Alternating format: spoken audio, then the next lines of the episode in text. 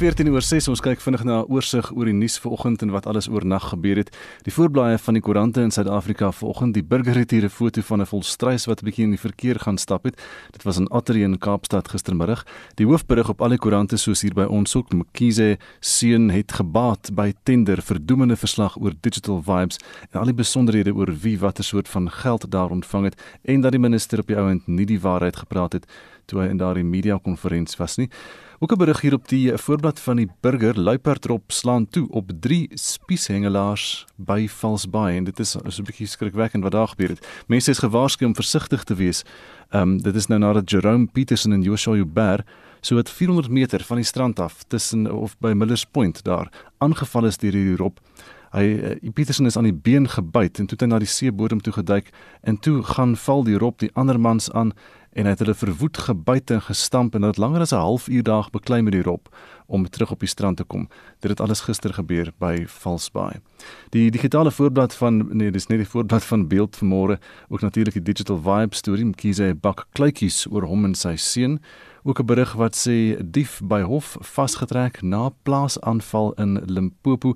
Dis 'n berig uit Polokwane se omgewing. Die vermeende aanvaller van 'n plaasbestuurder is by die Landdroshof, wat is in Pretoria, waar hy in hegtenis geneem is waar hy op aanklag van diefstal in 'n ander saak verskyn het vir 'n plaasaanval op die plaas uh, Sussenvale buite Modimolle en hy staan negtenis ernegtenis geneem daarvoor.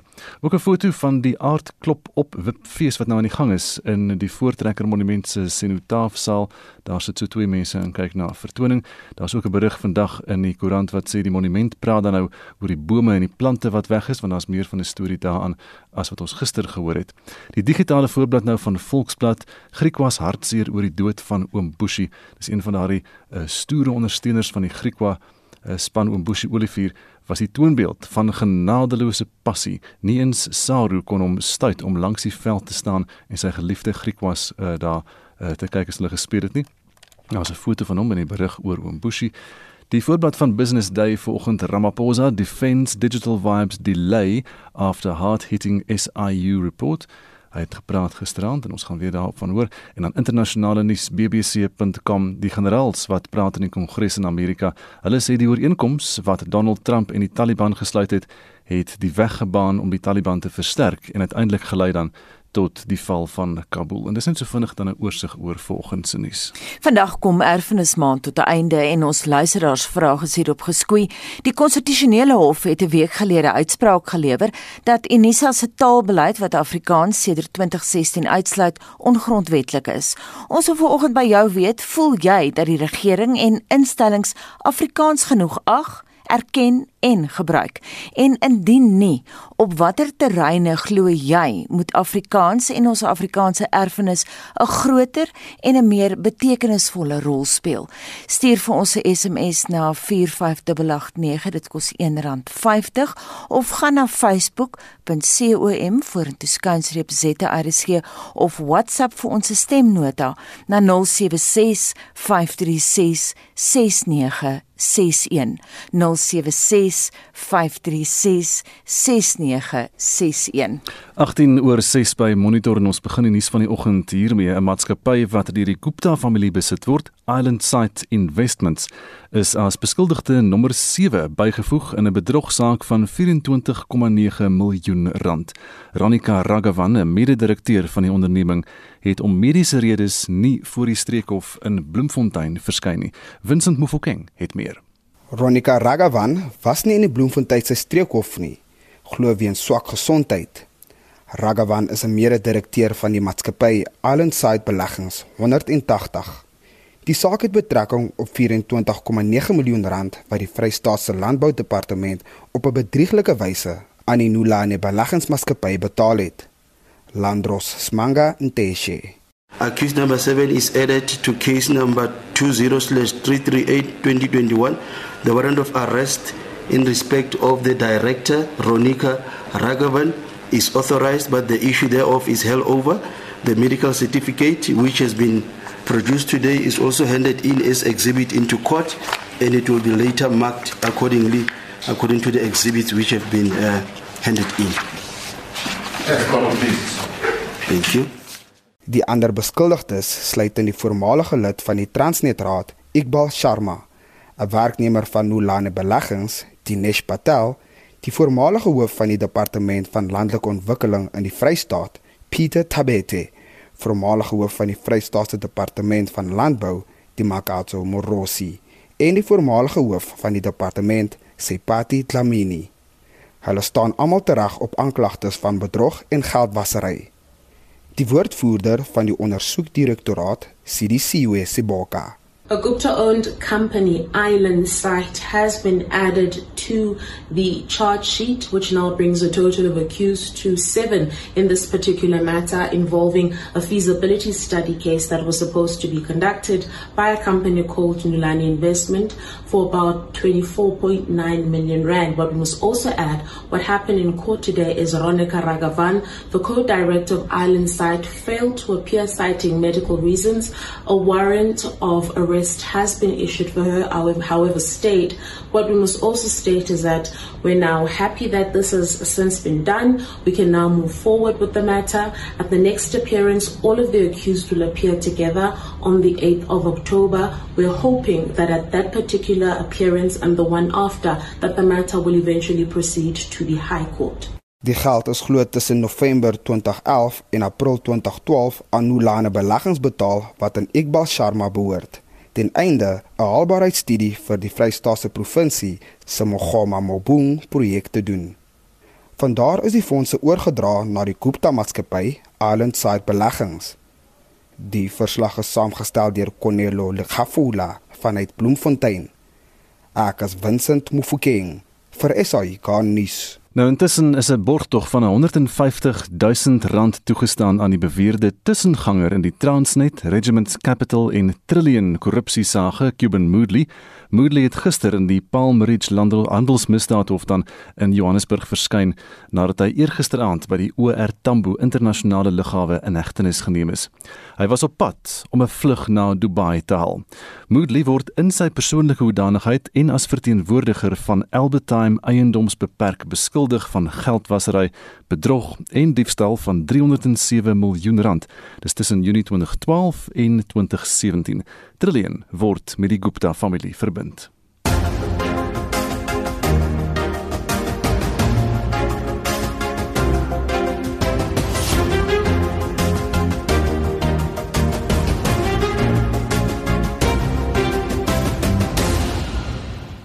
Suid-Afrika het meer as 500 geregistreerde politieke partye waarvan 325 aan die plaaslike verkiesing op 1 November gaan deelneem. Die meeste word nie in die parlement verteenwoordig nie. Kleiner partye soos Al Jamaa, die party die Party of Action Liewer en die Patriotiese Alliansie skram nie weg om groter gevestigde partye die stryd aan te sê nie, so berig Heinrich Weingart. Al Jamaha wat in 2007 tot stand gekom het, het 'n wijk van die DA in Lenasia gewen. Die party bepleit die erkenning van moslimhuwelike en die beëindiging van bendes en korrupsie. Die partyleier en burgemeesterskandidaat vir Johannesburg, Ganef Hendriks. Al Jamaha is contesting 1000 wards in 27 municipalities and in 7 provinces compared to the previous national municipal elections in 2015, where we only contested five municipalities with about 50 candidates. Die 3 jaar oue Party of Action het geen verteenwoordiging in die nasionale vergadering nie, maar die woordvoerder, Obakeng Makale sê hulle het 300 000 lede. We're surprised mainly with the outcome of the results. And we have registered seven municipalities. Within those seven municipalities, we have registered all the wards with candidates. And we will surprise when it comes on the results where we'll have many councillors under POA that will lead wards to prosperity. Coalition governance is a certain within two metros, namely City of Tshwane and City of Johannesburg. This is not a promise, it's a done deal. Ashley Souls is die Johannesburgse burgemeesterskandidaat vir die Patriotiese Alliansie wat verlede jaar einde gemaak het aan die koalisieooreenkoms met die ANC in die Johannesburg Metro. Die party wat in 2013 gestig is, het in die onlangse tussenverkiesings twee belangrike wyke van die DA in Eldorado Park afgeneem. Hulle hoop om die momentum in November te behou. Because of the by elections, we are considered one of the fastest growing parties within the country right now. And uh, so, based on that, and because of the inroads that we are making in all the other areas, because we are not a colored party, we are a colorful party. And all races are beginning to feel our heart and feel the passion with which we speak from a place of truth. And we are then drawing much more than what is expected. So we are very, very, very optimistic that we are going to win this thing. Die onderskeie partye wat in die parlement verteenwoordig word, gaan hulle verbintenis tot die gedragskode vandag bevestig. Die kode verseker dat hulle kandidaate, lede en ondersteuners hulle self op 'n wyse gedra wat bevorderlik is vir vry en regverdige verkiesings. Hierdie verslag deur Boesie Shimombe en ek is Hendrik Weingart, SAK-nuus.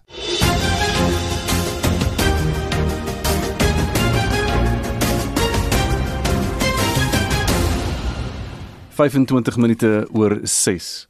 Nou om erfenismaand vandag af te sluit, luister ons na die plaaslike musieklegende Cecil Mitchell wat oorspronklik van die Baai is en nou in Johannesburg woon. Hy het aan Heinrich Weingart vertel van sy ervarings as 'n jong seun in die geselskap van ander grootsterre soos Jonathan Butler en Richard John Smith. Cecil Mitchell was 'n 13-14 jarige seun van Port Elizabeth, nou Quebec toe hy deur talentsoekers raak gesien is. Hy deel sy herinneringe met ons. Ek onthou my eerste optrede toe hulle my 'n audition gegee het met uh, Jonathan Butler wat daar sit en Ronnie Joyce en Clive Calder die wat nou almal die talent scout sit hulle almal daar en hulle kies my te onder kinders om nou op toer te gaan met hulle. En my eerste konsert was by die Grandstown Monument Theatre met die Rockets en met Richard John Smith en Jonathan Butler, Ronnie Joyce. Vir my was dit dit was amper so 'n droom. En toe tel die antie my nog van die stage af en sy sit 'n 10 rand in my hand. So ek het met boeglam geskrik. Ek kon dit nie glo nie. Vir my was dit die begin van 'n lewenslank musiek loopbaan. Hy sê dit gee hom 'n wonderlike gevoel om nou na soveel jare weer na sy eie liedjies en die van sy tydgenote oor die radio te kan luister. En dit is lieflik om te hoor dis hoe goed die ouens was en hoeveel talent daar was. En vir my was it amazing om weer alles weer terug te bring en die uh, die memories is mooi man. Ek is so bly met weer te hoor. Hier lys hy wat hy reken sy grootste treffers was. Deeskogel was 'n groot groot hit vir my het my die net gesit daai tyd. En wat nou vir my op die show die skare wat skree het en daai liedjie was 'n liedjie wat vir my famous gemaak het. Okay, een van die ander liedjies wat my aangeraak het was Ten Commandments of Love. Vir 'n jong seun van 14 jaar oud was die woorde oor liefde en is my hart is maar altyd liefde. En as ek sing as liefde, ek dink as liefde, so dit baie beteken vir my. Ten Commandments of Love. Mitchell is een van die legendariese kunstenaars dan wie se musiek vanaand om 09:30 in die bonus episode van die reeks Toe ons sterre was op RSG gehoor kan word. Heinrich Aneta Moore se ons wil na aanleiding van die konstitusionele hof se uitspraak verlede week dat Unisa se taalbeleid Afrikaans in moet sluit anders sal dit ongrondwetlik bly. Wil ons weet hoeveel hoe voel die luisteraars uh, oor die regering en ander instellings of hulle genoeg Afrikaans en Afrikaanse erfenis respekteer en wat ons dan nou kan doen of die luisteraars kan doen om te verseker dat dit gebeur. En Kilian sê politikuste moet hul neuse uit ons tale hou. Afrikaans word as 'n ras en politieke speelbal gebruik. Afrikaans is 'n taal wat jy kan buig en trek en altyd sal dit wat jy sê sin maak. Dis 'n akademiese taal met uitmuntendheid. Dis my taal sê en Kilian. Louis van die Kerk sê ons Afrikaners sal moet self omsien na ons taal en kan nie van hierdie regering verwag om ons taal te beskerm nie. Die openlike vyhandigheid teenoor Afrikaans maak net dat die regering verdeeldheid skep in hierdie land waar mens weer gedwing word om van ons en hulle te praat. Jopie Henning sê Afrikaans is hier om te bly. Die regering is ook onderworpe aan ons grondwet en hulle behoort hulle met hulle eie kriminele binnengevegte besig te hou as om te kom top oor Afrikaans as erkende taal. Die beste raad is bly Afrikaans, praat Afrikaans en doen soos eerbare Afrikaners deur te doen. Pierre Groenewald sê hulle wil als verwoes wat Afrikaans is en wie Afrikaans praat. Steven Philip van Niekerk sê Ons het die wat ons uit ons eie land uit wil dryf nie meer nodig nie. Ons sal ons eie ding doen. Dit dan uh, ons terugvoer vir in hierdie ronde 45889. Dis die SMS nommer, dit kos jou R1.50 elk. Anders maak jy 'n draai op die Monitor en Spectrum op RSG Facebookblad. Of stuur vir ons 'n kort stemnota. Kort in hierdie geval beteken nie langer as 30 sekondes nie asseblief. Die nommer is 076 536 6961. Die verwoestende veldbrande in die Noord-Kaap is geblus en die voorlopige skade is nou bepaal. Vir die impak op die boeregemeenskap praat ons nou met die president van Agri Noord-Kaap, Nicol Jansen. Goeiemôre. Goeiemôre Anita. Ons het nou verwys in die inleiding na die voorlopige skade wat jy wel bepaal het. Waarop staan dit? Ja, die afgelope lang naweek se brande in die Noord-Kaap naby Oudtshoorn en Kimberley gesamentlik so 144 000 hektaar is die amptelike syfer deur die departement van landbou gepubliseer. Dit bring ons totaal in die Noord-Kaap op 455 000 hektaar die afgelope 2 maande wat afgebrand het. Die grootste verliese is in infrastruktuur, enorme skade, jy weet ons wêreld het baie houtpale, uh, houtsparre en so meer wat afgebrand het, maak dat drade op die grond lê, uh, pypleidings wat verwoes is, watervoorsiening, sonpanele, sonpompe en so meer wat in die slag gebly het. So infrastruktuur die grootste skade. Net die naweek se brand 142 stuks wilde doodgebrand, 42 hm. grootvee eenhede, sewe skape. Dis net op die eerste 35000 hektaar se inligting wat ingekom het. Ons verwag vandag om verdere uh, inligting in te kry rondom Kimberley brande. Seker nie baie goed vir die boere se moreel nie.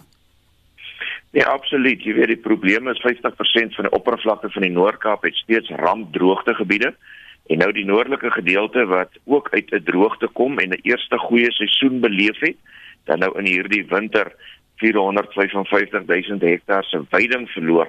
Dit is omtrent die uh, uh kan veiding verskaf aan 40 000 beeste. So waar gaan jy met dit heen? So dit is regtig waar groot skade vir die Noord-Kaap en dit het 'n impak op die ekonomie van die Noord-Kaap.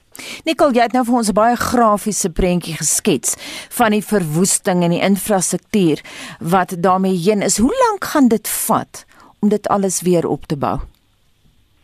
Anita, dit is ongelukkig die tipe skade wat nie sommer weer herstel nie. Ons moet onthou hierdie infrastruktuur wat drade heininge uh, ons praat van jakkalsproe wat met sif gespan is is oor geslagte heen opgebou. Baie van hierdie is in die uh, uh, vroeë jare met groot staats staatssubsidies gebou omdat die ekonomie van uh, die die die die landbou dit eenvoudig net nie toelaat om daardie winsgewendheid te hê om hierdie infrastruktuur te skep nie. So daarom uh, sal ons ook van Agri Noord-Kaap se kant af groot pogings aanwend om om te uh, hierdie aksies te subsidieer en fondse in te samel sodat ons kan help om hierdie infrastruktuur op te bou. Maar om hom te herstel tot sy glorie waar hy was, ek dink nie dit dit gaan sommer gebeur nie. Die die, die ekonomiese impak is net te groot. Jy gaan maar probeer herstel en las en lap om net weer ekonomies aan die gang te kry, maar om dit oor te doen is is eenvoudig net uh, te groot ekonomiese impak. Mens kan hoop dat die versekerings gaan uitbetaal. Ja, daar is maar baie min boere wat versekerings het. Die versekerings in verbrande is geweldig duur en selfs dit plaas die winsgewendheid onder onder uh, druk. So daar is maar baie min versekerings op hierdie infrastruktuur. Indien dit die geval was, dan was dit nie 'n probleem nie, maar uh, ek dink nie hier is versekerings wat werklik ware groot verligting gaan bring nie, omdat daar baie min versekerings uitgeneem is rondom dit. Nico, het jy al 'n idee hoe die brande ontstaan het? Dit is die hartseer van die saak is uh, dat die afgelope tyd veral hier die lang naweek was hier geen onweer in die lug nie, hier was geen weerligte nie. Uh daar kan uh dit kan buite rekening gelaat word dat dit 'n natuurlike oorsaak is. En daarom wil ek tog boere aanmoedig om 'n uh, saak van brandstigting by die polisie aanhange te maak sodat hierdie sake behoorlik ondersoek kan word dat ons kan antwoorde kry. As dit nalatigheid is dat mense kan bestuur en hanteer en kyk waar die oorsake is. En as daar dan 'n 'n mate van uh, uh, dan nou uh, moeswilligheid was of opsetlikheid was dat vervolging kan plaasvind en dat hier 'n einde hieraan kan kom Jy het nou gesê dat Agri Noord-Kaap die boere sal bystaan. Ek verstaan Agri SA ook. Ons weet ook uh, ons boeregemeenskap in Suid-Afrika is baie ruimhartig. Ons sien dit keer op keer dat boere inspring om mekaar te help. Het julle nou al uh, daai soort van aanbiedinge van hulp gehad van elders in die land? Ja, absoluut. Jy weet die eerste wat wat wat werklik uit hierdie tragedie na vore kom is die hulp wat van van oral instroom om die vure te blus. Mense ry tot 100 km om by die vuur te kom om te help blus. So naburige gemeenskappe het almal onbaatsigtig ingespring, koste aangegaan en gehelp om die vure te blus.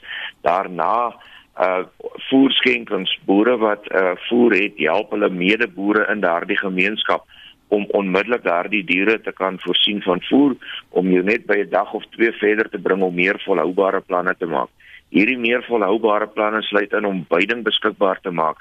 So uh um bure is regtig ruimhartig om om te sê bring jou diere na my toe.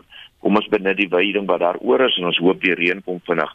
Dan uh het ons ook 'n aksie om die die beseerde diere uh te kan te kan hanteer. Ons het 'n klomp veeartse wat hulle dienste vrywillig aanbied. Hmm. om te sê kom ons hanteer hierdie diere wat gebrand het en daar het Agri Noord-Kaap 'n fonds gestig en ook geld bewillig om die medisyne te kan verskaf dat ons hierdie veeartse se hand kan rek en dan die groot aksie wat ons loods is om 'n fonds daar te stel en ek is dankbaar om te kan sê dat GWK en die Kapa Mining nader staan om ons 'n begin van 2 miljoen rand te maak en wat ons nou wil uitbrei om dan die boere te help met met 'n klein subsidietjie om 'n begin te maak om die infrastruktuur te kan herstel. Nikkel, waar kan luisteraars julle kontak?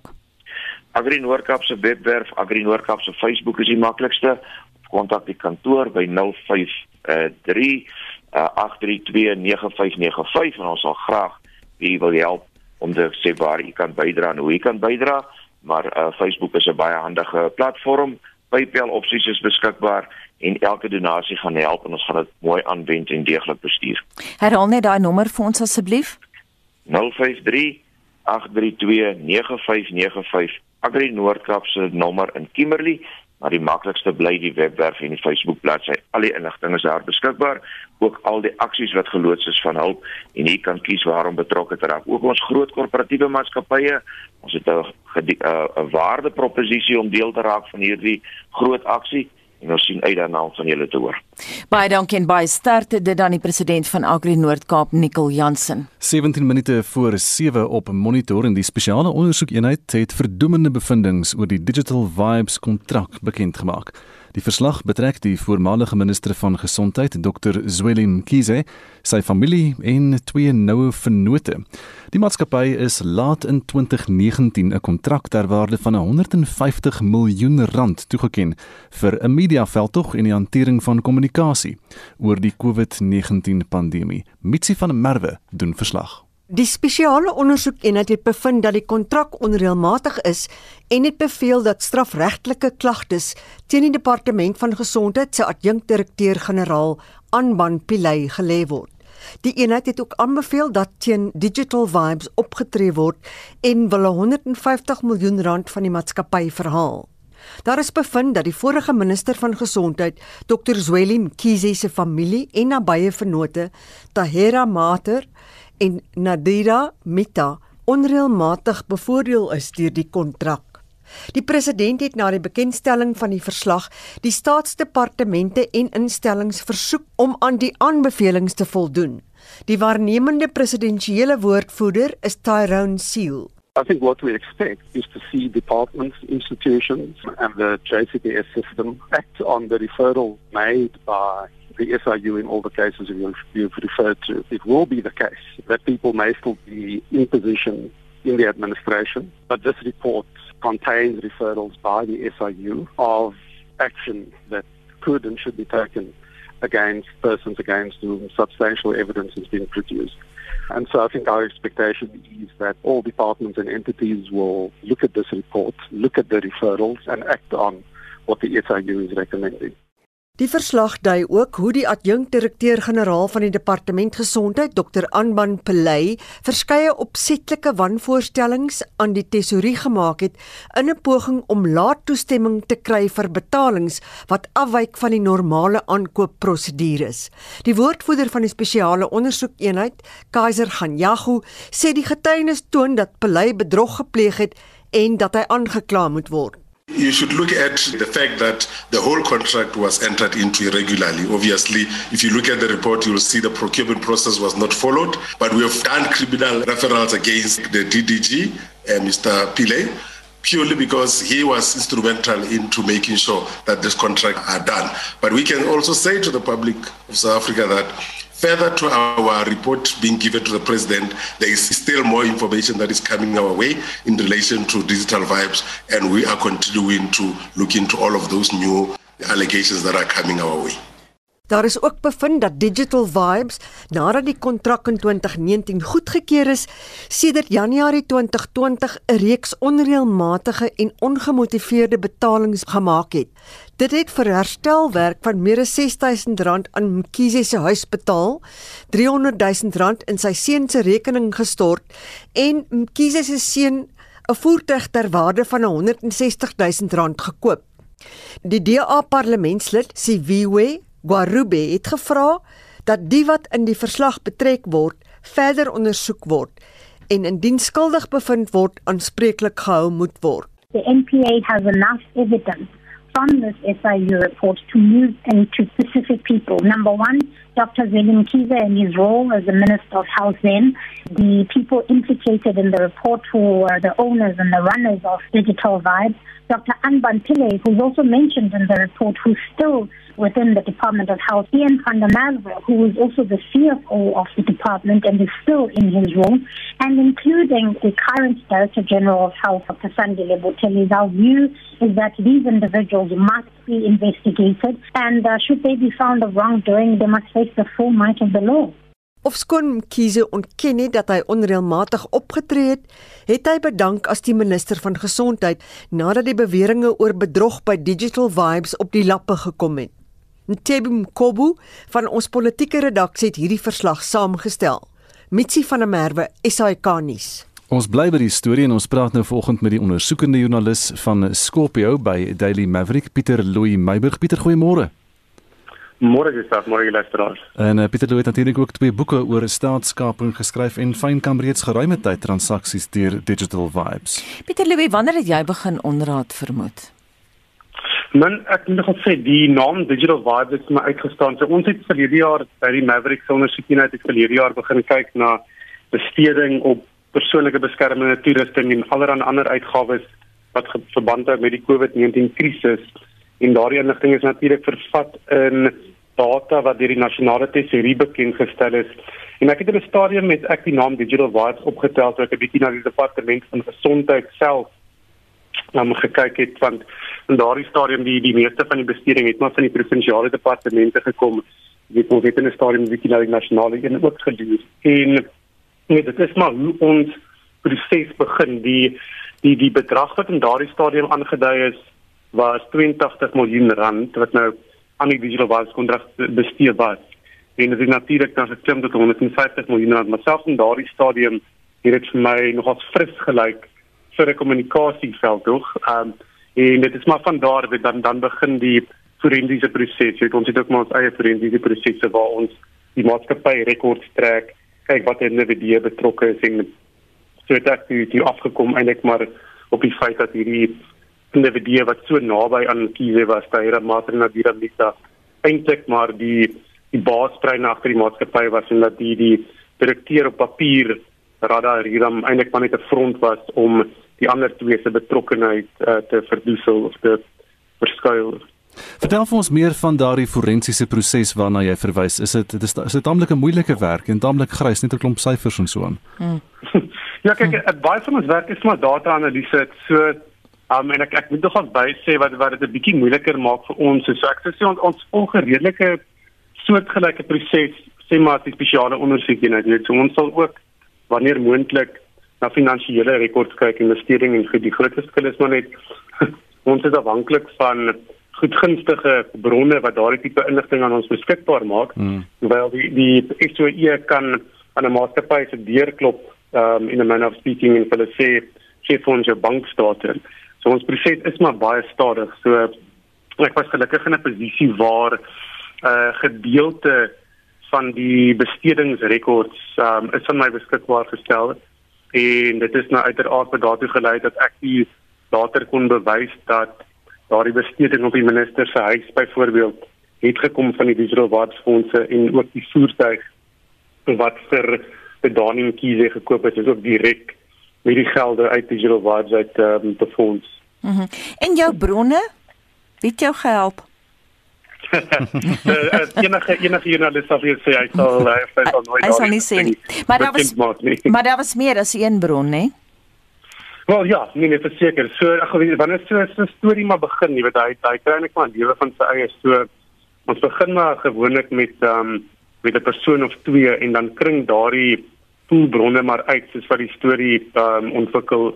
Maar mens wil ook maar altyd soveel as moontlik onafhanklike bevestiging kry van sommige van die feite en seker maak dat dit nie alles uit een mond uitkom nie. Hmm. Hoe het die geldspoor toe nou geloop? Hoe het die geld gevloei van die departement van gesondheid af en uiteindelik by die familielede van die minister gekom?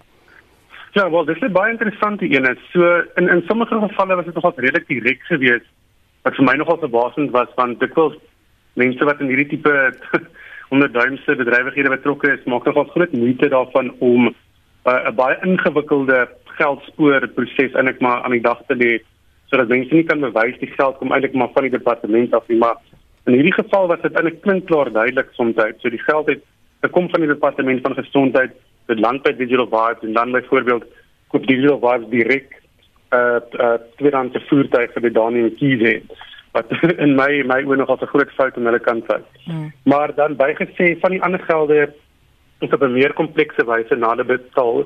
So ons het so so 2 maande gelede berig hoe hierdie is nou inligting wat nog nie deur die SOE opgevolg is nie. Hoe geld betaal is aan Digital Vibes en dan 'n derde party maatskappye oorgedra is en dan van daardie maatskappye is dit dan oorbetaal aan 'n uh, naal salon in 'n haarsalon wat onderskeidelik besit word deur minister Mkhize se seun en die se vrou, so sy dogter, sy skoondogter. So daar is ook ander gelde wat op meer komplekse wyse is en op maniere wat er nog nie hierdie SOE oopgevlek is of hulle in, in, in hulle verslag vervat is nie ook na die familie toe gekanaliseer is. Mm -hmm. Pieter Louw, die fokus is nou baie op Dana McKeesie, maar natuurlik die minister se vriende het ook gebaat. Ja, nee, so kyk, um, uiteraard ja, die die 150 miljoen rand ehm um, net om dit vinnig af te breek, 'n baie 'n teleurstellende klein deel van daai geld is op COVID-19 en uh nasionale gesondheidsversekering kommunikasie uh, spandeer. My my analise wys omtrent 40 miljoen rand hoogstens van die 150 miljoen rand. So uh, jy weet dit laat 'n goeie 100 110 miljoen rand wat dan deur aan uiteraard aan ek deur al die individue maar jy weet opgeëet is as mens dit so kan sê want uh Mater en Mita het verseker die ehm um, die die liewe aandeel van hierdie kontrak uh, na hulle kant hier oorbetaal. So uh, dit is dit is alles maar maatskappye opgestel wat hulle dan sou sê sogenaamde konsultasiewerk vir digital vibes gelewer. En dit is natuurlik 'n verwante maatskappy want hulle is self die direkteure van hierdie entiteite. So mens kyk na 'n goeie uh, 30 miljoen rand wat so na Mater en haar familie toe is.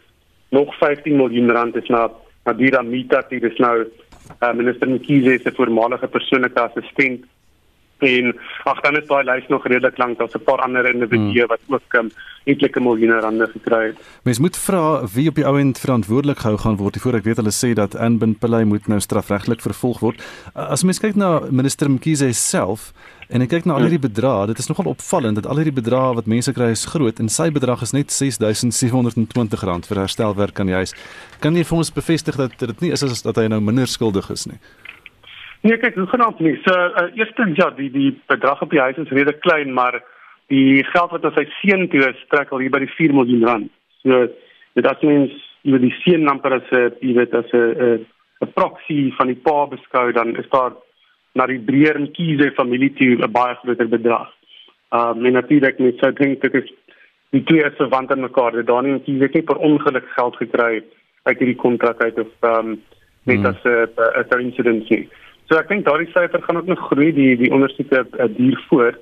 Maar jy weet aan die einde van die dag as mense dit nou 'n 6000 bedrag uh, op die tafel het of skielik 20 miljoen rand, die feit van die saak is, is dat die minister het finansiëel baat gevind by 'n kontrak wat op 'n onregmatige wyse toegeken is en uh waarin hy 'n direkte rol gehad het om seker te maak dat die kontrak wel toegeken word. En dis natuurlik die die verslag wys dit nou hoe in 2019 die daarna vir die eerste keer beraadslag is om hierdie uh kommunikasie werk gedoen te kry. Het hulle kies dan nou hierdie druk geplaas op amptenare via WhatsApp boodskappe mm. om seker te maak dat die kontrak weer gaan. En ons geldwasery um, implikasies ook hier so dis nou nogal vreemd dat die verslag vir Pillay uitsonder mm. vir kriminele vervolging terwyl daar in dieselfde asem gesê word dat Mkhize moontlik onwettig opgetree het. Pieter Louw net 'n laaste vraag. As jy nou hierdie soort ondersoekwerk doen, word jy ooit gedreig? Maar dit dit gebeur soms, ja. Hier daar is al in die verlede maar vreemde oproepe en vreemde boodskappe dit maar ek weet ons ons kan maar nie spreek oor dit. Baie dankie en Susie Pieter Louw Meiburg. Hy's 'n ondersoekende joernalis by Skopje van die Daily Maverick. Heinrich wil weet of jy voel jou Afrikaanse erfenis word erken en jou taal word erken en wat jy reken daaraan gedoen kan word ook deur gemeenskappe self. Nee, Afrikaans word geminag, skryf Betsy. Sy sê ek het maandag geskakel. Na, sy noem die bank se naam, maar ek sal dit nou nie noem nie en wil uitvind oor rente op 'n belegging. Die een tak het gesê hulle het niemand wat my in Afrikaans kan help nie. Die volgende tak het glo een gehad wat Afrikaans kan praat, maar was besig. Die derde tak het wel iemand gehad. Dan skryf Jonathan April het gou daai uit Afrikaans word nou veronagsaam Ek kan nie verstaan hoekom 'n taal wat deur meer as die helfte van ons landsburgers gepraat word, 'n Turksvyf verander geword het nie. Los my taal. Ek is trots daarop. Ag nee, Hendrik skryf John van Drie Riviere. Dis nie politikuste nie, dis politici. Nou ja, dit was Ann Killian se gebruik van daai woord. Ek stel dit ons ook reg gehelp daarmee. Dan laat weet Eddie Okkers het Caledon uit die DA beheerde Teewaters Kloof munisipaliteit stuur 'n moeilike kragverhoging omsens inligtingbrief net in Engels uit maar die DA wil verbly in se man die hof toe vat oor Afrikaans op kampusse. En dan Frans uit Namakwa wat sê ek is trots Afrikaans, maar ons moet nooit ontken dat Afrikaans voorheen 'n meganisme van verdeling en onderdrukking was. Hoekom kan Engels nie gebruik word ter wille van gemeenskaplikheid en sodat ons mekaar kan verstaan en makliker kan kommunikeer nie? Dit sal ook meer eenheid en verdraagsaamheid bewerkstellig, maar daar is 'n klomp ander menings wat natuurlik nie daarmee saamstem nie en daarvan sal ek later aanhaal. Jy kan van jou laat hoor deur vir ons 'n SMS te stuur na 45889 teen R1.50 elk of jy praat saam op die Monitor en Spectrum op RSG Facebookblad. Jy kan ook 'n kort stemnota stuur na 076 536 6961. En dit bring ons by 7:00.